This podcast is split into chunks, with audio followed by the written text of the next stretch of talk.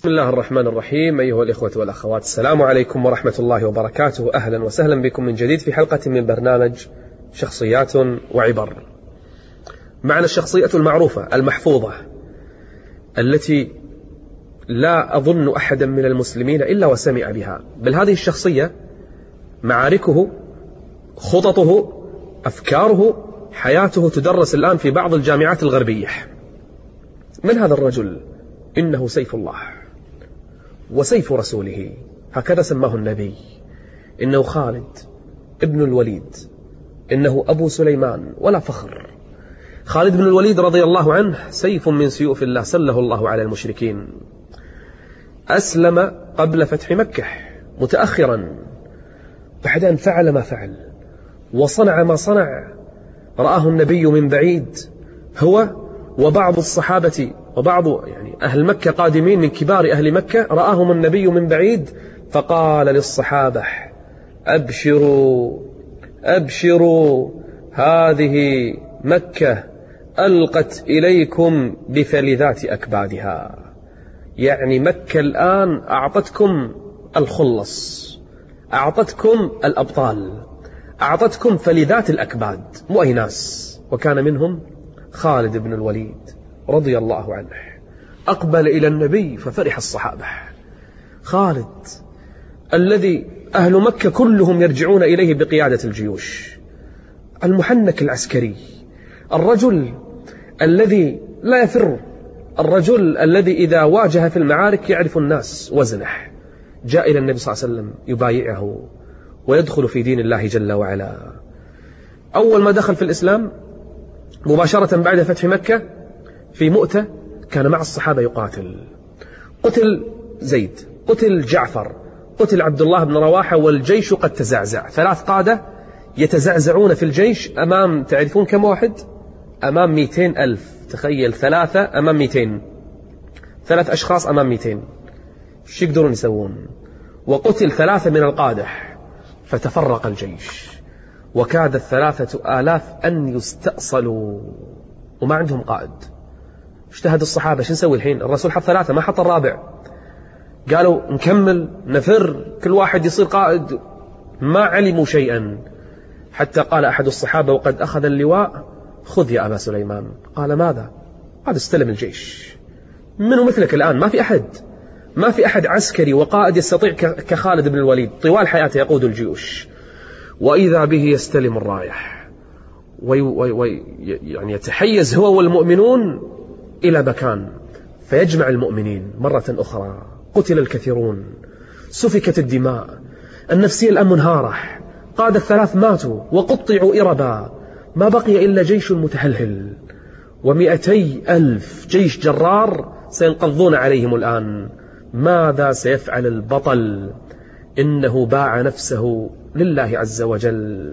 إن الله اشترى من المؤمنين اشترى من المؤمنين أنفسهم وأموالهم بأن لهم الجنة. يقاتلون في سبيل الله فيقتلون ويقتلون. نعم خالد بن الوليد عنده البيعة. قتال إما نقاتلهم أما يقتلوننا. شوف الذكاء.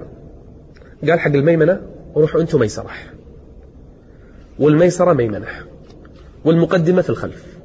والخلف المقدمة. وكانت مجموعة سرية قادمة من بعيد أخرها حتى تأتي بعدين. فلما أصبح الصباح. والتحم الصفان مرة ثانية. ماذا رأى جيش الروم؟ جيش الروم رأوا جيشا جديدا. فتناقل الخبر عند الروم إن هذا الجيش مو الجيش اللي بالأمس. كانوا في الأمس شو يظنون؟ إن خلاص الجيش انهار. مجموعة قليلة وراح نسحقهم. اليوم شنو شافوا؟ شافوا وجوه جديدة. فإذا بجيش الروم يتزعزع. وشافوا من بعيد غبار. وكأن جيش عرمرم الآن قادم. فماذا قال الروم؟ قالوا الجيش اللي أمامنا مو الجيش اللي أمس. وأيضا قاعدين نشوف من بعيد مدد. معناته هذه مكيدة. معناته هم ليسوا ثلاثة آلاف يمكن هم أكثر من عددنا حنا. لكن كل يوم قاعدين ينزلون لنا مجموعة. فإذا بجيش الروم يتراجع. وإذا بهم يقفون. وإذا بهم يعدون العدة مرة ثانية. خايفين الآن جيش الروم. فيرجع خالد بن الوليد الجيش مرة ثانية. ويأمرهم بالانسحاب. ليش ننسحب؟ ننسحب لأن ما في أمل نقاتلهم. لكن الآن أفضل وقت للانسحاب. لو انسحبنا بالأمس لأقبلوا إلينا وقتلونا جميعا. لكن الآن هم خايفين. الآن أفضل وقت للانسحاب. وهذه فكرة لن يستطيعها إلا أمثال خالد. فإذا بالجيش ينسحب والرومان لا زالوا خائفين. لا زالوا في أماكنهم. خايفين شو يسوون؟ يلحقونهم في جيوش ثانية. والوجوه تتغير. فإذا بخالد ابن الوليد يرجع إلى المدينة الصحابة تضايقوا. شلون ترجعون؟ يعني إما أن تقتلوا جميعا وإما أن تنتصروا. فقال لهم النبي بل هم الكرار بل هم الكرار بل هم الكرار. أي أحسنت يا خالد. أحسنت يا خالد بأنك نجوت وأنجيت المؤمنين من قتل محقق. خالد بن الوليد رضي الله عنه لما فتحت مكة كان مؤمنا لما فتحت مكة أرسله النبي إلى اللات والعزى يدمرها ويقتل سدنتها وكان خالد يدمر الأوثان ويهدم الأصنام.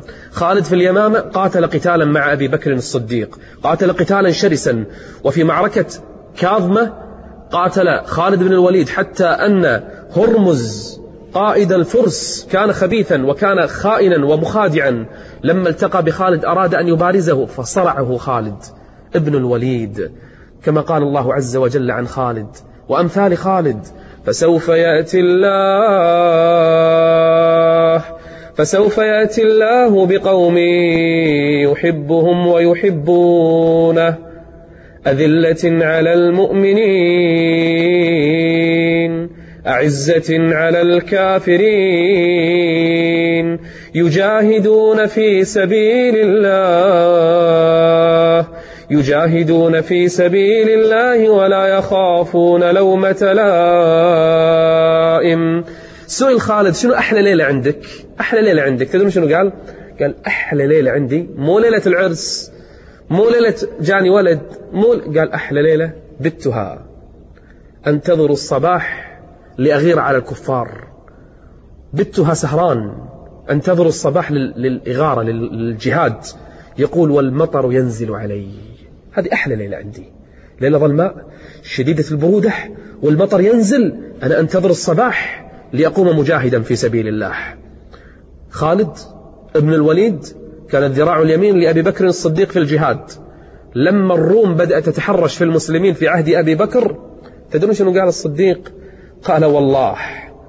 قال لا أحد لها إلا خالد. قم يا خالد. قم إلى الروم يا خالد. لأنسين الروم وساوس الشياطين بخالد بن الوليد. أخليهم ينسون وساوس الشياطين. أخليهم ما يفكرون إلا بخالد بن الوليد.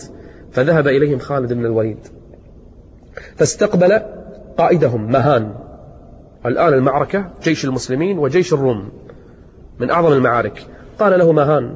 قال له يعني يعطيك عشر دنانير كل واحد عشر دنانير وكسوة وطعام ورجعوا انت إيش تبون؟ تبون أكل؟ تبون طعام نعطيكم؟ تدرون إيش رد خالد؟ قال يا مهان جئتك بقوم يحبون الموت كما تحبون الحياة ونحن قوم نشرب الدماء وسمعنا أن أحلى دم دم الروم وجئنا نشرب من دمائكم الله أكبر حرب نفسية. يعني قالت ترى إحنا لا نبي فلوسكم ولا أكلكم نبي نشرب دمكم إيش رأيكم؟ فانهزم ماهان من فوره. وتراجع وقاتل المؤمنون قتالا شرسا وانتصروا على الروم. قبل موته يسأله رجل أسلم جرجة أحد القادة في الروم أسلم قال له أسألك بالله السيف اللي عندك هذا أنزله الله من السماء؟ قال لا. قاتلت به فسماني النبي صلى الله عليه وسلم سيفا من سيوف الله سله الله على المشركين فقط. قال حقا أن يسمى بهذا الاسم إنه خالد أبو سليمان. إذا ذكر ذكرت البطولات العسكرية. مات على فراشه وهو يقول ما من موضع إلا وفيه جرح في جسمي فلا نامت أعين الجبناء. ها أنا اليوم أموت على فراشي فلا الجهاد يقرب الموت ولا الهروب منه يطيل الحياة. شخصيتنا القادمة شخصيات شوفوا عظيمة في كل حلقة كل شخصية لها جانب. شخصية أيضا علمية وإيمانية. شخصية من آل بيت رسول الله. رجل تربى في حضن رسول الله. سمي ترجمان القرآن. وحبر هذه الأمة. مات الرسول وهو صغير لكن يقول ما من آية في القرآن إلا وأعلمها.